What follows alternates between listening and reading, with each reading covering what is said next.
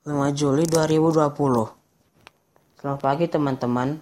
Yuk kita menyiapkan Alkitab kita dari Kejadian 21 ayat 14 sampai 21. Mari kita berdoa. Tuhan Yesus, pimpin kami dalam pembacaan Alkitab pada pagi ini.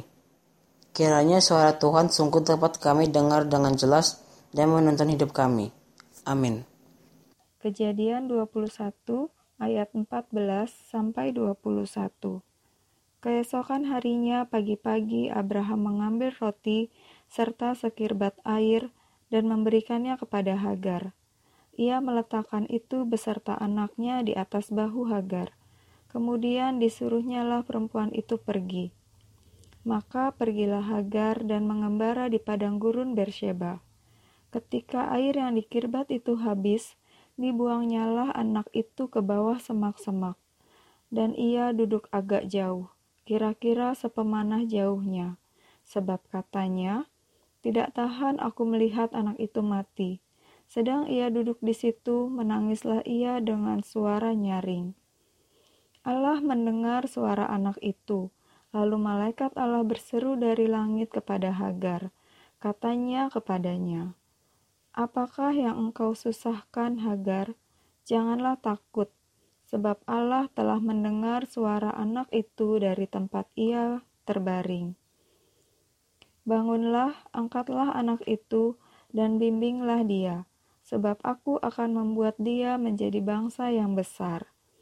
Lalu Allah membuka mata Hagar, sehingga ia melihat sebuah sumur.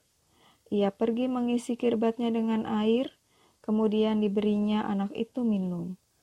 Allah menyertai anak itu sehingga ia bertambah besar. Ia menetap di padang gurun dan menjadi seorang pemanah. Maka tinggallah ia di padang gurun Paran, dan ibunya mengambil seorang istri baginya dari tanah Mesir. Tuhan menyiapkan kehidupan. Hagar diusir Abraham dan mengembara ke gurun Bersyaba. Hagar tidak mau melihat anaknya mati kehausan.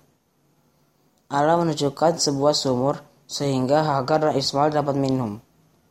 Terima kasih Tuhan telah menyiapkan segala sesuatunya dengan sempurna. Teman-teman, Tuhan berjanji kepada Abraham akan menjadikan keturunan Ismail bangsa yang besar, karena Ismail adalah anak Abraham juga. Apakah yang Tuhan lakukan untuk mewujudkan janjinya itu?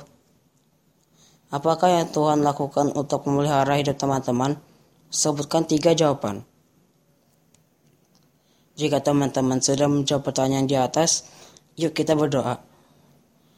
Bapa di surga, sadarkan kami bahwa Engkau senantiasa menyiapkan segala sesuatu dengan sempurna untuk kebaikan anak-anakmu. Terima kasih Tuhan Yesus.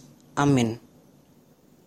Dengan pembacaan Alkitab pagi ini, yuk teman-teman, kita mau selalu ingat bahwa Tuhan telah menyiapkan segala sesuatu untuk penggenapan rencananya.